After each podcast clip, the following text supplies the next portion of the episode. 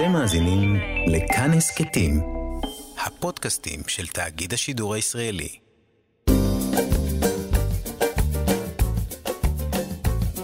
שישים החדש, עם איציק יושע. לחיות בגיל השלישי.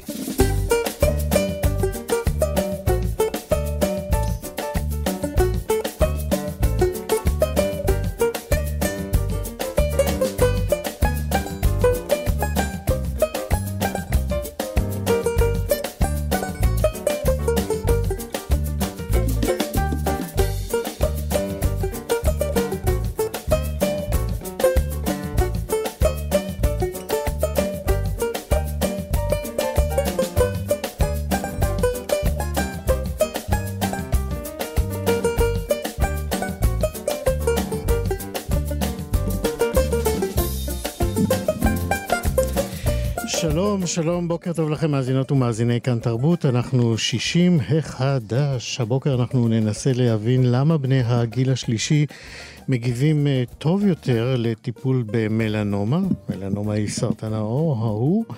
אנחנו נדבר על ספר ראשון בגיל 70 שכתבה יפה גואטה על ילדותה באיראן, נדבר גם על פרס לחדשנות בדיור לגיל השלישי וגם על... אוכל תימני, כל מה שלא ידעתם, אבל הזקנות, זקנות השבט, זוכרות היטב. נהיה גם אה, עם מוסיקה ישראלית ותיקה, מראשית הפופ הישראלי כמובן, בצוות הבוקר. ענת שרון בלייס, עריכת משנה, אבי שמאי בהפקה, יוג'י גבאי, טכנאי השידור, אני, איציק יושע, איתכם עד 12. 60 החדש. החודש אנחנו מציינים את אה, חודש המודעות למלנומה. מלנומה היא הסוג האכזרי, אפשר לומר, והמסוכן של אה, סרטן העור. מתברר שככל שאנחנו עולים בגיל, אנחנו חשופים אה, לסיכון אה, לחלות במחלה הזאת. שיא הסיכון נרשם בסביבות אה, גיל 60. זה מבהיל, נכון, אבל מתברר שיש גם... סיבות אה, לאופטימיות, ועל הסיבות האלה אנחנו נדבר אה, עכשיו עם אה, דוקטור נתנאל אשר, שהוא אונקולוג בכיר בבית החולים שיבא בתל שומר, וגם נחשב למוביל דעה בתחום המלנומה. בוקר טוב, דוקטור אשר. בוקר טוב, בוקר טוב. אמרתי מוביל דעה, מוביל דעה, בוא נדבר קצת על דעות בטיפול רפואי. חשבתי שיש תשובות, לא דעות. אמ, כן, תשמע, יש, יש, יש הרבה דעות לטיפולים, אבל אה, בהקשר של מלנומה מאוד מאוד מאוד מאוד חשוב לדעת ולזכור שמלנומה, ברגע שמאבחנים אותה מוקדם, אה, היא מחלה שניתנת לריפוי. אם אנחנו נזניח אותה, אם אנחנו נזניח אה, כתמים פיגמנטריים כאלה ואחרים שככה צצים לנו במהלך השנים ולא נתייחס לגדילה של נגעים ושינויים, אה, אז באמת הסיכוי לצרות, בעיות, אה, מריעים בישין, אה, בהחלט עלול... אז לא... אני, אני, אני יכול מאוד לחזק את ידיך, אתה מדבר עם עד מומחה. לפני יותר מ-30 שנה היה לי נגע כזה בשוק ימין. אה, גם כן נקודה שצמחה, גדלה, פרחה ימינה, שמאלה, לגובה, לרוחב. אה, אה, וממש בעשירית מילימטר לפני שהיא חדרה לרקמות הפנימיות, תפסו אותה. בדיוק, בדיוק. אז, אז מה שאמרת הוא מאוד זהו, ואני נכון. חי, אתה רואה, 30 שנה, וזה יופי. בדיוק, בדיוק. אז, אז עומק החדירה של המלנומה הוא באמת הפקטור הכי הכי חשוב, והוא מה שמכתיב לנו את הפרוגנוזה, כלומר הסיכוי לגרורות בעתיד או מוות מהמחלה חלילה, אה, אבל הוא גם מכתיב לנו את הניתוח. ככל שהמלנומה חודרת עמוק יותר בהבחנה, כך הניתוח נרחב יותר. כשמדובר בפנים לדוגמה, לעשות ניתוח נרחב יותר ולהוריד קוטר של ככה 4 סנטימטרים מהלחי, כבר הופך את השחזור להרבה יותר מורכב וכולי וכולי, ולכן באמת החשיבות של האבחון המוקדם היא מאוד מאוד מאוד גדולה. אז כשאנחנו מדברים על אבחון מוקדם, אז זה לא רק הרופא, גם לנו החולים, הפציינטים, החולים בפוטנציה, בואו נקווה שלא.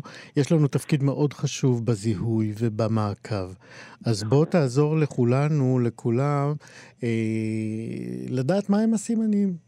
בדיוק, אז בגדול את הסימנים למלנומה אנחנו מחלקים ל-A, B, C, D ו-E. זהו, יש איזה אה, חמישה גימלים. גאור גימלים, נכון, נכון, יש גם את השיטה העברית יותר. כן. אה, אז אנחנו מדברים על הגבולות של הנגע, כלומר, בדרך כלל שומה רגילה, פשוטה ושבירה, יש לה גבולות מאוד ברורים.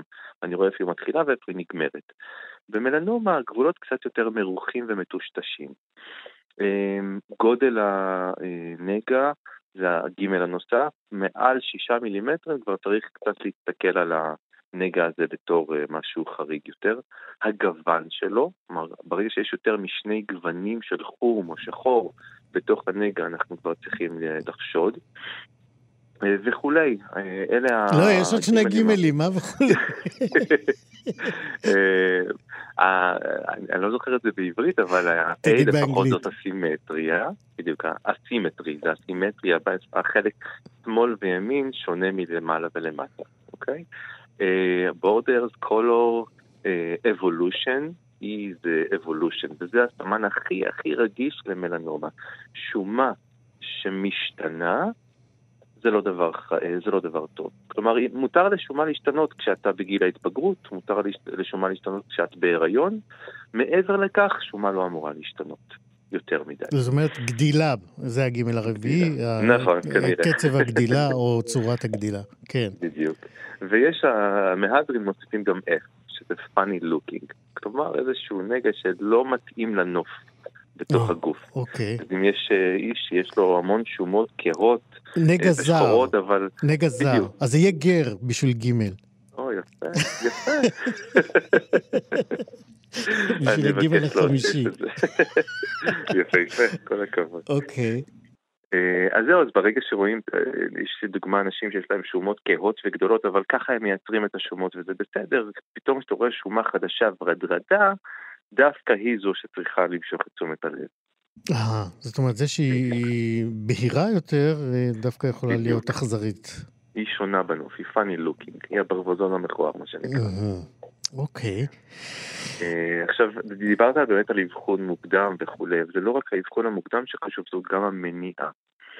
אה, המלנומה קשורה ברוב המקרים, או חלק מהמקרים, לחשיפה לשמש. וככל שהחשיפה לשמש היא ארוכת שנים, כלומר מספר הפעמים שאני נצלה בים ונשרף ואחר כך שורף לי וורוד לי וכואב לי, אה, ככל שיש יותר חשיפות כאלה לאורך השנים, ככה הסיכוי לפתח את המלנומה גדול יותר. אבל בוא, חייבים, אני, שוב, אני לא, כמובן אתה המומחה ואתה הדוקטור כאן, אבל חשוב להדגיש, אני חושב, שלא רק חשיפה לשמש. מלנומה נכון. יכולה לבוא גם אצל אנשים שלא באמת נורא נחשפים בצורה מסוכנת. חד משמעית. כן, נכון. אוקיי. אז, אז יש באמת מלנומות באזורים שהם חבויים יותר, אה, אה, כמו בכפות הרגליים, כמו באזור המפצעות וכולי, או גם מלנומה בעין.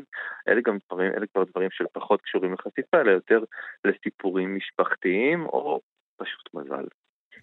כן. מזל שווה ערך ל... אנחנו לא יודעים להסביר ברפואה, אתה יודע. כן. זה החלק של הדעה ברפואה. אז, אז מי שכבר נחשף לשמש, אתה יודע, יש לי הרבה מטופלים בני 60 ו-70 ו-80, ומספרים לי שכשהם היו צעירים היה מאוד אה, נהוג אה, למרוח את השמן, אה, שמן כזה או אחר, כן. ולהתעלות בשמש, וזה היה סמל יפה. אמ, היום אני אומר להם שאין להם המון איך לשנות את העבר, אבל כן לבקש מהנכדים פחות להיחשף לשמש. זה מאוד מאוד חשוב. כן. כלומר, להעביר את המידע הזה הלאה לילדים ולנכדים. זאת אומרת, אז אמרת, אה, היסטוריה משפחתית חשובה לצורך העניין, חשיפה לשמש, יש נכון. עוד... אה... גוון אור, גוון האור שיש אנשים שהם בהירי אור. בהירי שיער, בהירי עיניים, או אפילו ג'ינג'ים, שזה האקסטרים, הם, בסיכון הרבה יותר גבוה לפתח מלנומה מאשר אה, אנשים אה, כהי עור. וזה לא רק כהים ובהירים, יש סקאלה שלמה, ואיתה גם הסיכון במקביל. אגב, מתי זיהו את המלנומה הזאת כסרטן אכזרי? מאז ומתמיד. כן. פשוט אף פעם לא ידעו לטפל בה. היום כבר יודעים לטפל, אז לכן היא באמת כבר מדברים עליה יותר והיא עולה לכותרות. אז גם הטיפול, האבחון המוקדם, המודעות עלתה משמעותית בעשורים האחרונים. כל החכם בשמש והקרם הגנה ולשים כובע ושקפי שמש, כבר אנשים יודעים לשנן את זה. אבל גם בשלב הגרורתי, בשלב שבו המחלה מאובחנת עם גרורות בגוף, פה אה, היינו מאוד נבוכים לפני 15 שנה ולא לא, לא, לא, הייתה, לא היה לנו שום כלי או תרופה אה, מספיק טובים להציע למטופלים כאלה, ובאמת הסיפורים היו אה, מאוד דרמטיים. היום הסיפור הוא אחר. היום אנחנו יודעים להציע למטופלים טיפול באימונותרפיה. שזה אומר? אה, טכנולוגיה חדשה אה, ומסקרנת מאוד. זו תרופה שנותנים דרך הברית, פעם בשלושה שבועות, או פעם בשבועיים, או פעם בחודש, יש פרוטוקולים שונים, והתרופה הזו משנה את מערכת החיסון. היא גורמת למערכת החיסון להיות אגרסיבית יותר ולתקוף בעצמה את הגידול, את המלנומה. שזה באמת ו... חלק מהאסכולה החדשה שנכנסה לפני כמה, 10-20 שנה ל... לרפואה, של לנצל את מערכת החיסון אה, בנגד, כנגד אותם תאים סרטניים. בדיוק, שנים. כן. פחות מעשר שנים כבר היו, כבר הניצו המחקרים הראשונים. אה, זה התחיל ממלנומה, מלנומה באמת יש תוצאות נהדרות, מאוד מאוד ממש, אה, וזה המשיך לסרטנים נוספים, סרטן ריאה היום, סרטן כליה, ועוד הרבה הרבה הרבה סוגים אחרים של סרטנים. הבנתי. אני אמרתי בתחילת דבריי שזקנים אה, גם מגיעים לסיכון בגיל 60, אבל גם יש תגובה טובה לטיפולים דווקא אצל אנשים בני הגיל השלישי. נכון. איך מסבירים נכון. את זה?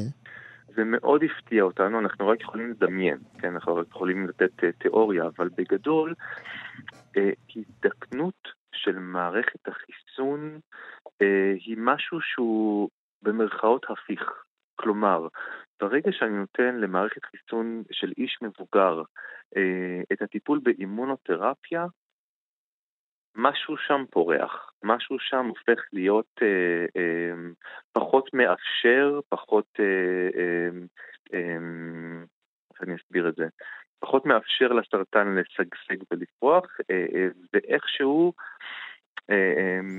זו תגובה מעניינת של הגוף, אתה יודע, זה כאילו בגיל צעיר הוא אומר, טוב, יש, יש עוד הרבה שנים, אז אני, אני אתפנה לעניינים אחרים, אומרת לעצמה מערכת החיסון, אבל בגיל 60 היא אומרת, רגע, אין לי עוד הרבה זמן, אז צריך לעבוד עכשיו. בדיוק. לא, תראה, בגיל מבוגר אנחנו מכירים, אנחנו יודעים שמערכת החיסון קצת יותר חלשה, ומחלות הן קצת יותר אה, אה, אה, ארוכות, אז השפעת כבר לא יומיים, 48 שעות כמו אצל צעירים, אלא קצת יותר, כי מערכת החיסון לוקח לה קצת יותר זמן ללמוד את החיידק או את הווירוס החדש הזה, ולייצר נוגדנים נגדו וכולי. אבל כאשר מוסיפים למדורה הזו המון שמן, שזה האימונותרפיה, משהו שם מתלקח מאוד יפה. אה, עד כדי כך מתלקח יפה, שלפחות אה, לפי המידע שאנחנו אספנו כאן ממכון אלה בשיבא, וגם במרכזים אחרים בעולם, ראינו שחצי מהחולים שמגיעים אלינו אה, עם גרורות, גם גרורות בכבד ובמוח וכולי, בגלל מלנומה, חצי מהם ברגע שנחשפים לאימונותרפיה, נעלמת להם המחלה לחלוטין. שזה...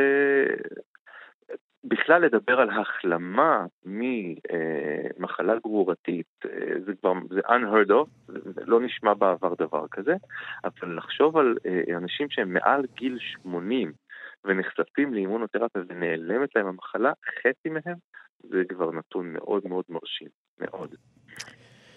יש אה, מחלות אה, נוספות שיש בשורה כה דרמטית אה, בטיפול בהן? האמת שכן, האמת היא שכן. תראה, סרטני עור זה לא רק מלנומה. Mm-hmm. חשיפה לשמש במשך הרבה מאוד שנים גורמת לכל מיני סוגים של סרטנים. חלקם הקטן הוא מלנומה, אבל המלנומה היא אגרסיבית מביניהם, והחלק הנכבד יותר הוא סרטן עור קשקשי, זה סקוואמוס סל קרצינומה או SCC, וסרטן עור נוסף שנקרא BCC, סרטן של תאי הבסיס. בכל מקרה הם סרטני עור, לרוב הם לא מסוכנים, לרוב אנחנו או נותנים משחות למיניהם, או מקרינים קרינה מאוד שטחית, או מנתחים, אבל אחת לכמה זמן יש מקרים עמידים. ואז אה, אה, צומחים גידולים כאלה ואחרים על האור, בדרך כלל בקרקפת, באפרקסות, בצוואר. גם שם יש וריאנטים כאלה? גם, זה לא בדיוק וריאנטים, זה ממש SCC ו-BCC, זה ממש צורות היסטולוגיות מאוד מאוד ברורות. וגילינו לאחרונה, באמת בעבר לא היה הרבה מאוד מה להציע, ברגע שהמחלה היא מעבר, גדולה מעבר לאפשרות שלנו לנתח אותה או להקרין אותה בצורה אפקטיבית, לרוב היינו מתפשרים על טיפול כימותרפי שבגיל השלישי הוא לא, הוא לא אידיאלי, הוא מאוד מאוד רעיל, הוא מאוד קשה לעמוד בכימותרפיה. והיעילות של הדבר הזה הייתה לא מאוד גבוהה. היום, שוב, האימונותרפיה נכנסה גם כאן, אה, ואנחנו רואים תגובות מדהימות, מדהימות. המחלה נעלמת לחלוטין, ואני הרבה פעמים אפילו אה, מציל אנשים מניתוחים אה, מאוד לא נעימים. כמו הסרות של עין או אף או אוזן, אפשר להימנע מניתוחים ברגע שחושפים מטופל כזה לאימונותרפיה ותופעות הלוואי, שוב, גם כאן בגיל המבוגר יותר, כמעט ולא קיימות. זה גם נתון מאוד מרשים. תשמע, נורא כיף אה, לנהל שיחה על סרטן אה, בנימה אופטימית. אני, אני גם, לא, לא סתם אה, בחרתי את, את המקצוע הזה ספציפית בעור, באמת, שמח לי במרפאה, לרוב. תענוג. דוקטור אה, נתנאל אה, אשר, תענוג לדבר איתך, ותחזור אלינו תמיד כן, עם אה. בשורות כאלה. הלוואי, הלוואי. תודה, יום טוב. יום טוב, ביי ביי. 60 החדש. הספר בימים ההם בזמן הזה, זה שם הספר, הוא בעצם קובץ סיפורים של הכותבת יפה גואטה, והוא יצא ממש לאחרונה בהוצאת ניב. בחלק הראשון של הספר, יפה חוזרת אה, לאיראן. אה, שם היא נולדה וממנה היא גם אה, עלתה לישראל כאשר היא הייתה בת שבע. יפה מתגוררת היום בחולון והיא סייעת לילדים בעלי צרכים מיוחדים. כשהגיעה לגיל 70 היא החליטה לאזור אומץ וללקט את כל הסיפורים שהיא אספה ממולדתה הראשונה כדי להעביר אותם לדורות שאחריה, ויפה היא העורכת, האורחת אה, שלנו עכשיו. בוקר טוב, יפה גואטה. בוקר אור. ברכות על הספר, ספר בכורה. תודה. תודה, אני מאוד מרגשת. בצדק, זה כיף להתרגש עם ספר חדש. כן. מה, צריך להגיע לגיל 70 כדי להעיז להוציא את הסיפורים שעצורים בנו, בך? לא, האמת שהם אה, כתובים כבר, אה, ועדיין אני ממשיכה לכתוב אותם עשור או שתיים, ואין אני יודעת אם זה מצניעות או מחוסר ביטחון, פשוט אגרתי אותם. אני, אני נוהגת לכתוב בעיפרון, זה אהבת חיי, ועל אה, כל פיסת נייר, וכל כל נושא יכול להוות עבורי סיפור. וככה כתבתי וכתבתי, ויש עימי תיק ענק. ממש ו... על ניירות עם עיפרון, כל פעם מחדדת אותו? ונייר, עיפרון, עיפרון לפי דעתי זו המצאה כל כך נפלאה, אם אתה מרשה לי לספר משהו על העיפרון. הכל אני מרשה לך לספר, וכמה שיותר בזמן שיש לנו. אה, בבקשה. אתה יודע שבשנות ה-60, 62, האמריקאים שברו את הראש איך למצוא, להמציא עט שבחלל הם נכתבו, והרי אם אתה מחזיק את העט, הוא, הוא, הדיו עובר לאחור ואי אפשר לכתוב. נכון. ובחלל זה היה בלתי אפשרי. אני חושבת שהם בזבזו אלפי דולרים לחפש פטנט שיוכלו לכתוב בחלל. אז אה, באו הרוסים ואמרו להם, רבותיי, איפה אתם? יש עיפרון. אז אה, עיפרון זה אהבת חיי. אוקיי. כן, ובקיצור, יש לי עשרות, מאות ויותר סיפורים, אסופים וזרוקים בתוך איזה תיק ישן נושן, ואני לא יודעת מה לעשות איתם, ואני אומרת, יואו, בטח הילדים שלי פשוט יעיפו לי את זה. זהו, זמן הקורונה עשה לי את זה, ואמרתי, אין תירוצים, בובי ותעשי את זה. נפלא. אגרתי כוח, כוח במרכאות, הרמתי טלפונים, וזה התחיל להתגלגל ככדור שלג. אפשר לומר שרק שניים או שלושה סיפורים, לקחתי אותם מתוך רגשות עמוקים, וכל היתר, כל היתר באמת באקראי. וככה שכל סיפור, לפי דעתי, שאני אשלוף מאותו ציט נפלא, הוא מלא סיפורים. אז אולי אני אבקש ממך אה, לספר לנו סיפור אחד מתוך uh, כמה סיפורים שכבר יש בספר ואלה שעוד יבואו. אולי תספרי לנו על, ה, על הסיפור, על החתונה של אושרת. Uh, החתונה של אושרת, אשרת יותר נכון, זה שם פרסי אספהני. אשרת? אשרת. אני גם uh, עמדתי שינקדו את זה, כדי שזה לא יהיה אושרת, כי אושרת זה שם מודרני. נכון. ואשרת זה שם uh, לא מוכר. אז uh, אשרת הייתה אחת מתוך שלוש אחיות, mm-hmm. שהאבא השיא שתיים, והיא, אשרת הזאת, הייתה ה... לא הכי יפה ולא הכי מקובלת, ולא היו לה מבקשים, לא ביקשו את ידה. הכבשה השחורה. כן, אני לא אוהבת את המילה, אבל כן. אוקיי. ו... ואז האבא גם נפטר, והיו לו נכסים, היה לו בית יפהפה. האחים, אה, בפרס היה חוק שאם אתה רווק, אם את רווקה, אין לך שום זכויות בירושה. סליחה, אם את נשואה, אין לך שום זכויות בירושה. אבל במידה ואת עדיין רווקה, החלק בירושה. ואז האחים מגיעים לחלוקת הירושה, אבא מת, והנה הם רוצים, הם בהולים להשיא אותה. כדי... כדי לא לזכות לחלק. בחלק שלה בירושה. בדיוק. והם מוצאים לחתן, והחתן היה, כמו שכתוב, אני לא יודעת אם זה המקום לבטא, הוא היה בקיצור לא בסדר, מבחינה... מבחינה נפשית. אה, אה, נפשית, לא, לא, נפשית הוא היה בסדר, הוא היה אלמן אב לשישה, שבעה ילדים, וכשהוא בא לקחת אותה, הוא מנצל את, את העמידה מתחת לחופה בשניות האלה, ועוצר את הרב ואומר, רגע, אתם לא דיברתם איתי על הנידוניה, מגיע לי מאה תומן, מאה תומן זה היה המון המון כסף.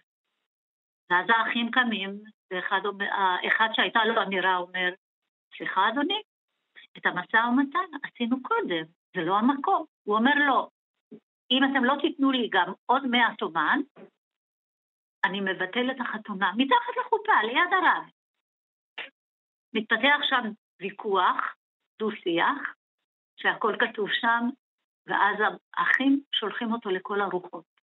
אפילו שהירושה הייתה להם מאוד יקרה. אז זה הסיפור.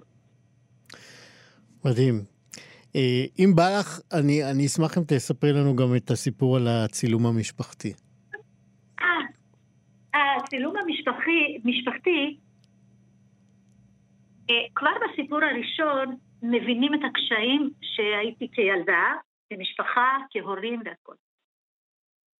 ובשנות ה-60 של המאה הקודמת, אמצע שנות ה-60, לצלם תמונה זה היה בערך להסריט איזה סרט לקולנוע.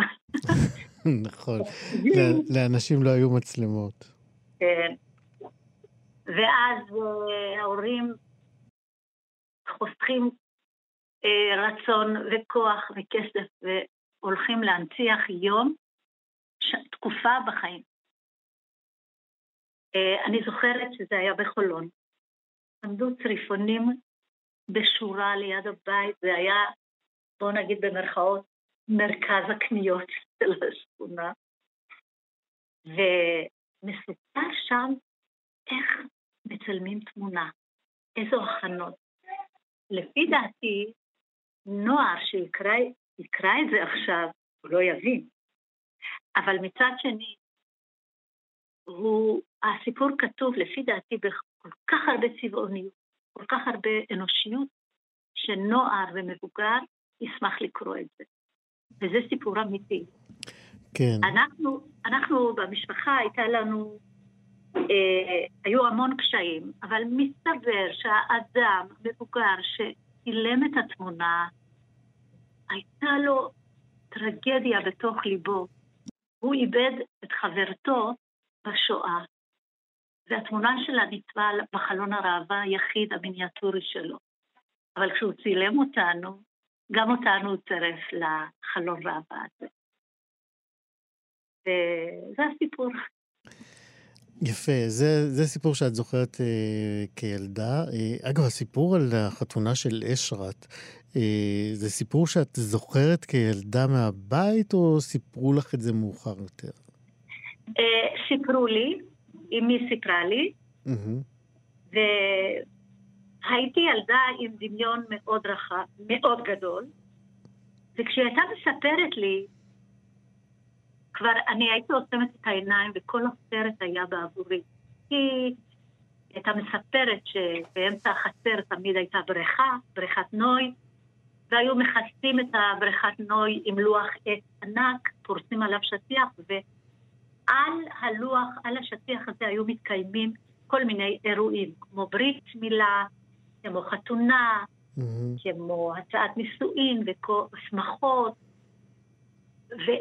הדמיון שלי היה עובד עדיין בשעות נוספות, ואני הייתי כבר מדמיינת איך אנשים עומדים ומתחת לרגליהם יש בריכה ושטיח ועץ גפן ואנשים צבעוניים באים וצהלולים וזה וזה. היא סיפרה לי רק את עמוד השדרה שהחתן ברח בליל החופה. זה מה שידוע לי. כל היתר עטפתי אותו בבגדים נחמדים. מקסים. יפה גואטה כותבת הספר בימים ההם, בזמן הזה, הוא יצא בהוצאת ניב, הוא נמצא כבר בחנויות הספרים, או אפשר לקנות אותו אה, במקומות מסוימים? זה נמצא בחנויות הווירטואליות. אז, אה, אז תחפשו את הספר, כן. כן, האמת, אה, מתוך ההיכרויות שלי עם הרבה אנשים, הרבה מחכים כבר לקנייה. אני, אני, אני מאוד אשמח אם תהיה הוצאה שנייה, כי יש הרבה ביקוש, אפילו שזה מעט זמן. אבל... טוב, אנחנו אה, מקווים גם בשבילך אה, שהספר יזכה בהצלחה, אה, ותמשיכי לכתוב.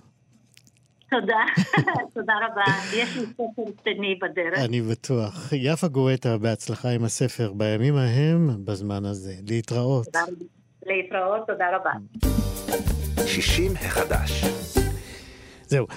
האגודה לדיור משותף, אה, או בראשי תיבות אדם, זכתה במקום הראשון במסגרת אה, תחרות אה, פרס גליקמן. זהו פרס מאוד יוקרתי לחדשנות, והוא נועד או ניתן למי שמוביל יוזמות להעצמת אוכלוסיית הגיל השלישי בישראל. אנחנו נאמר אה, שזה פרס בגובה של עשרת אלפים דולר, והוא ניתן אה, לאדם, לארגון הזה, על אה, עבודתה, עבודתו הרחבה בפיתוח פתרונות דיור, בני השגה.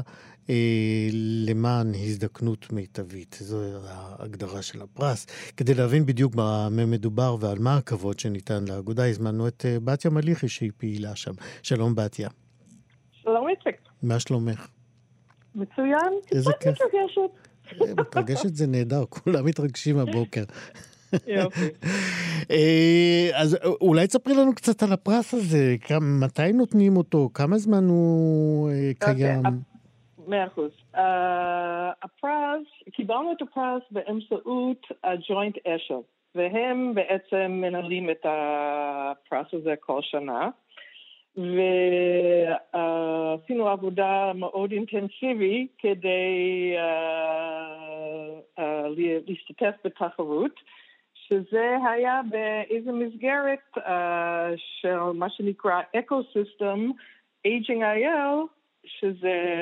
Um, בדיוק, תסבירי מה זה. בחסות, זה בחסות, זה, מו, זה בחסות הג'וינט אשל, קרנות ביטוח לאומי, השוקה והכוורת. אני, ומה זה היה במהלך uh, כמעט שנה, הגופים האלה uh, יצרו איזשהו uh, שיתוף פעולה מכל האנשים בכלל שרוצים uh, לשפר את החיים של הזקנים בארץ. וזה יכול להיות בתחום הטכנולוגי, זה יכול להיות כמונו בתחום הדיור, יכול להיות בפעילות נגד גילנות, כל מיני, מכל היבט אפשרי.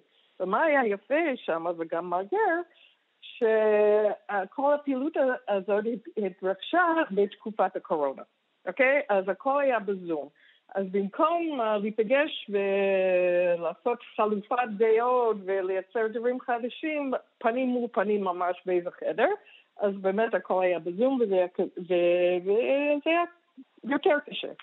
אבל uh, מה, מה יצא מכל הדו-שיח הזה, אם אגב 900 איש היו בכלל במה שנקרא ecosystem הזה, מזה נגזר 12 מיזמים חברתיים, רק בנושא אה, הזדקנות, אוקיי? Mm-hmm. זה חדשנות והזדקנות.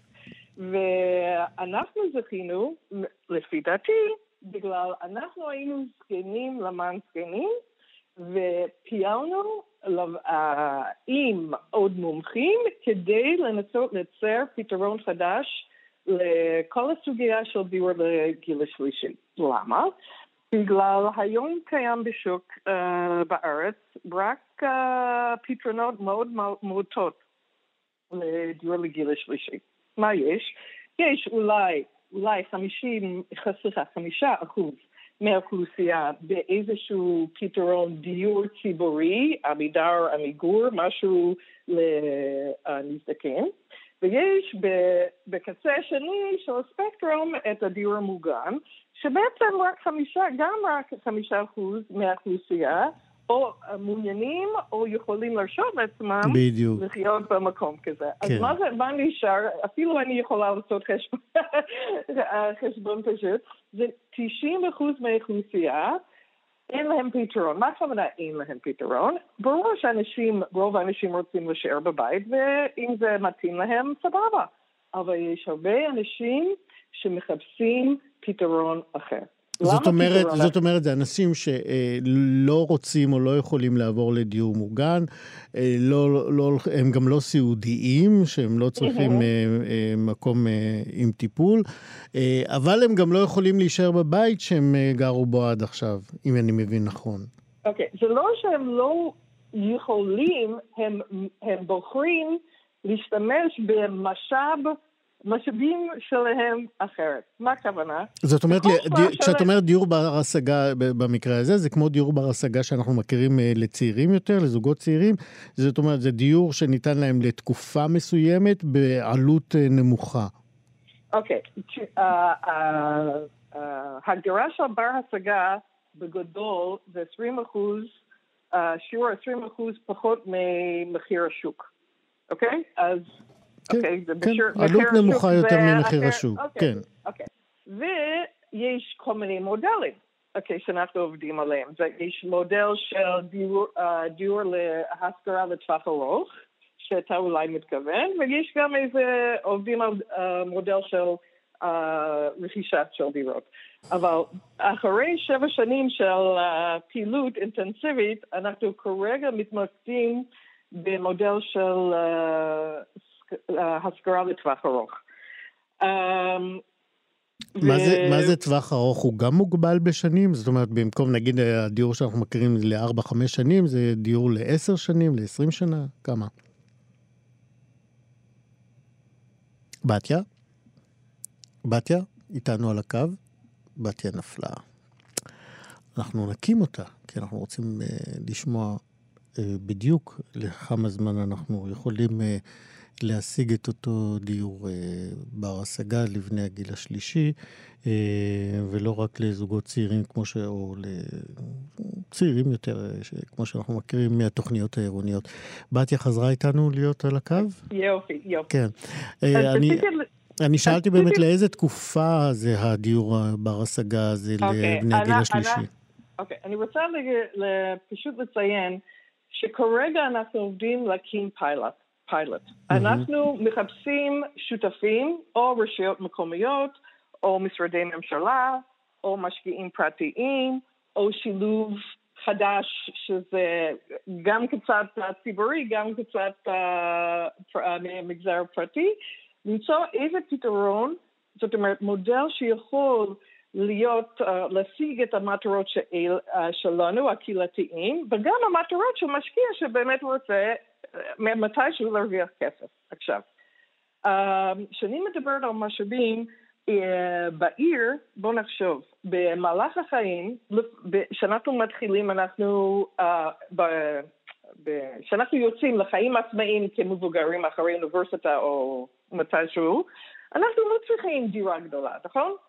נכון. עכשיו, אז מתגלגל הזמן, בדרך כלל יש מקיימים משפחות, אז אנחנו צריכים יותר מקום.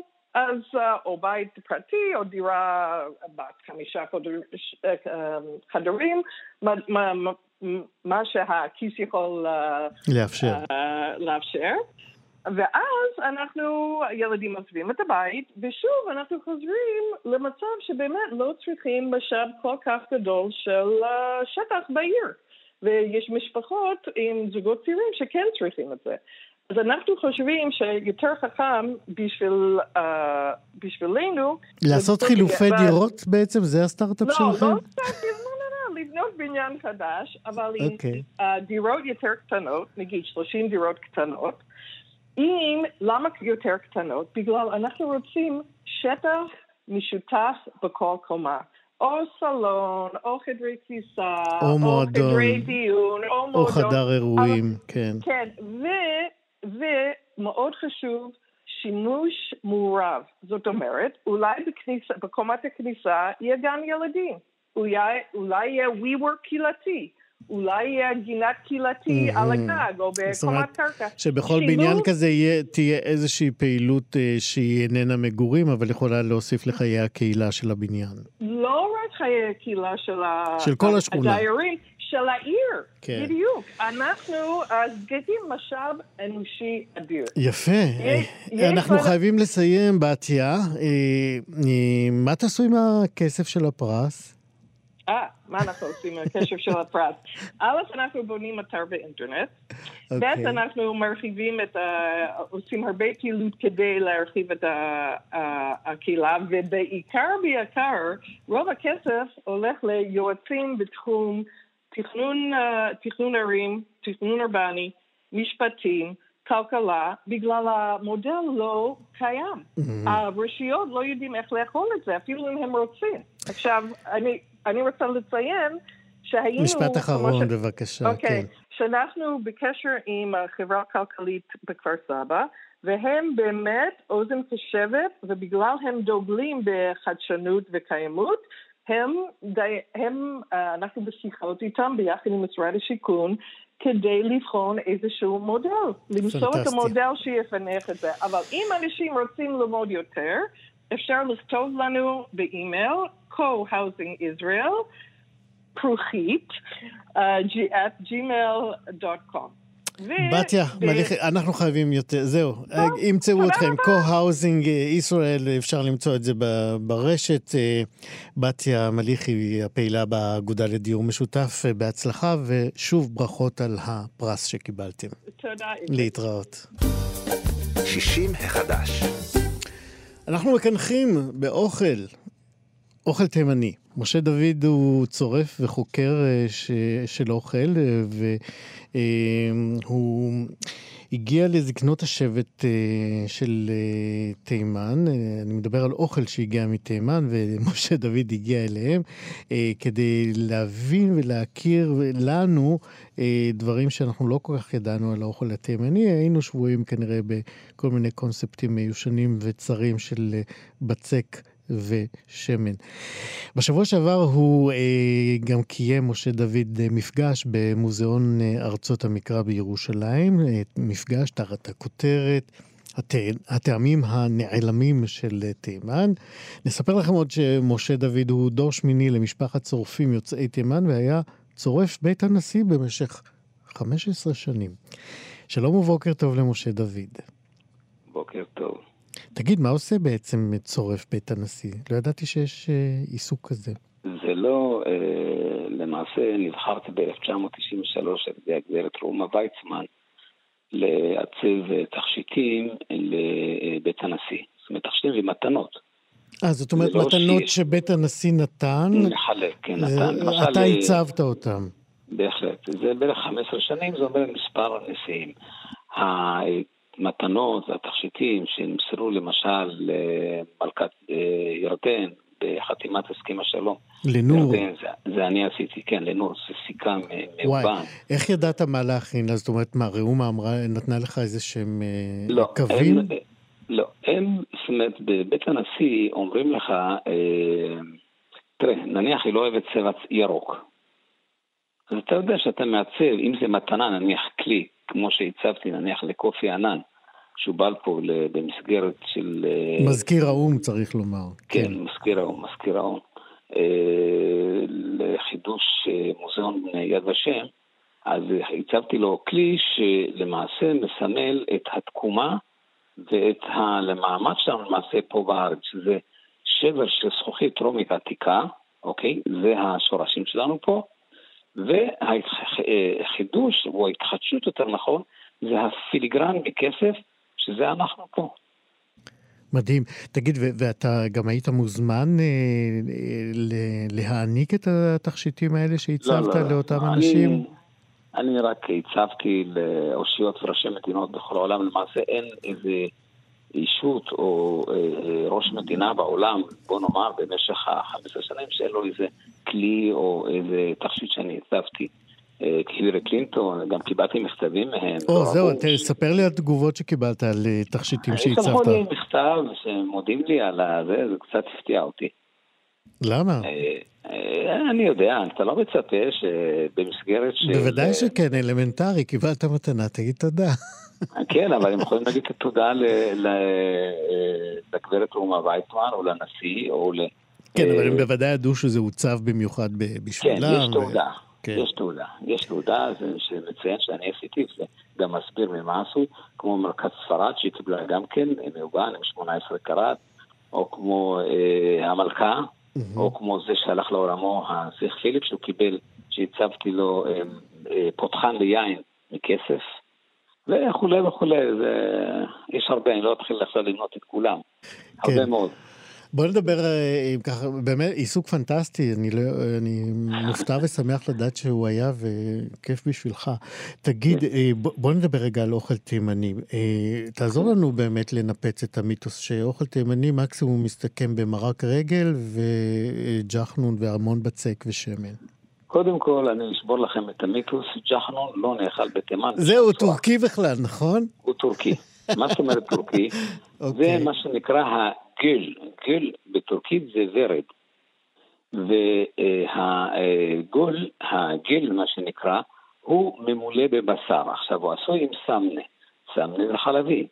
עכשיו, אה, היהודים העדנים, זה לפי השערה שלי, הם הוציאו את הבשר ואת תפוח האדמה שהיה בפנים, גלגלו את הבצק בנפרד, וגם זה נקרא, למעשה, למה זה נקרא ג'חנון? ג'חין זה בצק, ונון זה צורתו המקופלת או גודלו הקטן. והם שמו אה, לצידו של הג'חנון במשך אה, הלילה בטבור את התפוח אדמה המתוק ואת הביצים שזה תחליף לבשר למעשה. והם אכלו את זה בערך בתשע בבוקר.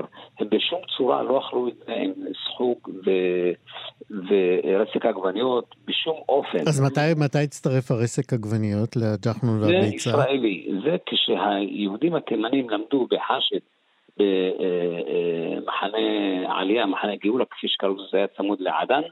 שם הם למדו להכין את זה בגלל שרק היה קמח, חלקם למדו את זה בארץ, אה, וזהו, וככה הם עשו את זה למעשה. עכשיו, הרסק עגבניות והסחוג, אה, תשמע, להשיג רחת לוקום כפי שאכלו את זה עדנים, עדנים אכלו את זה עם רחת לוקום, זה טורקי. אכלו את זה עם חלבה, זה טורקי. הם אכלו את זה עם דבש, או עם מושבק, מושבק חלי זה הכוונה שבקיע בלשון הצפון אפריקאית.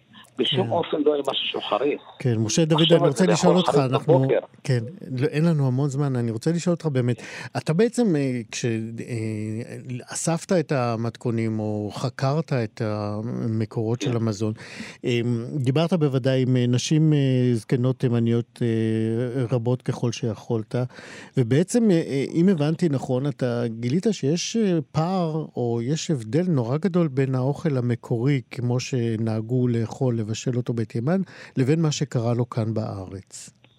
בהחלט. עכשיו, העניין הוא, המחקר הוא לא רק עם, עם התחקור לא, רק, לא, לא נעשה רק עם נשים פה בארץ, גם עם, עם אה, מדענים מתימן.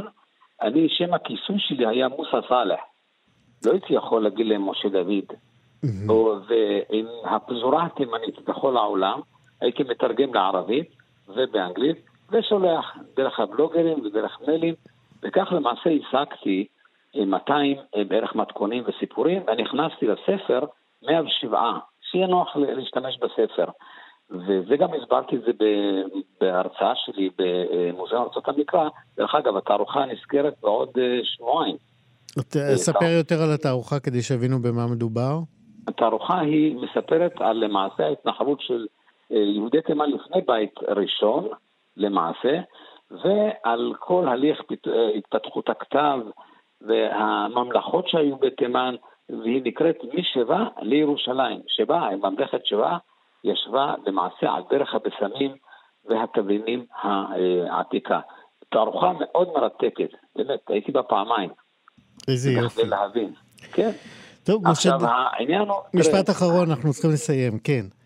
העניין הוא שהמדענים, שהם פתחו לי את הראש ואת העיניים לגבי המאכלים, אה, אלה שישבו על החוף, אכלו רק דגים, כמעט ולא אכלו בשר, אתה מבין? ודגים כשרים. אה, אני מדבר לא רק על יהודים. אוקיי. הספר מדבר לא רק על יהודים, ויש, ואני רק אה, עשיתי למשל, למשל מצאתי תחליפים לנושא של הסמנה שבא התנגשות עם ה... יפה. נניח עם הבשר. משה דוד, אנחנו לצערי צריכים לסיים. שמחתי נורא לדבר איתך וללמוד גם על, אה, על הצרפות רבה. וגם על רבה. האוכל התימני, ומוזמנים תודה. כולם... ועוד שנה יהיה עוד ספר על המתוקים התימניים. בהצלחה גדולה, משה דוד. תודה. להתראות. תודה רבה, איציק. ביי.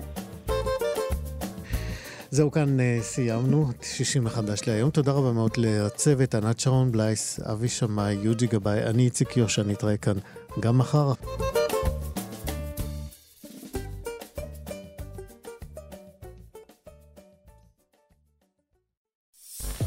אתם מאזינים לכאן הסכתים, הפודקאסטים של תאגיד השידור הישראלי.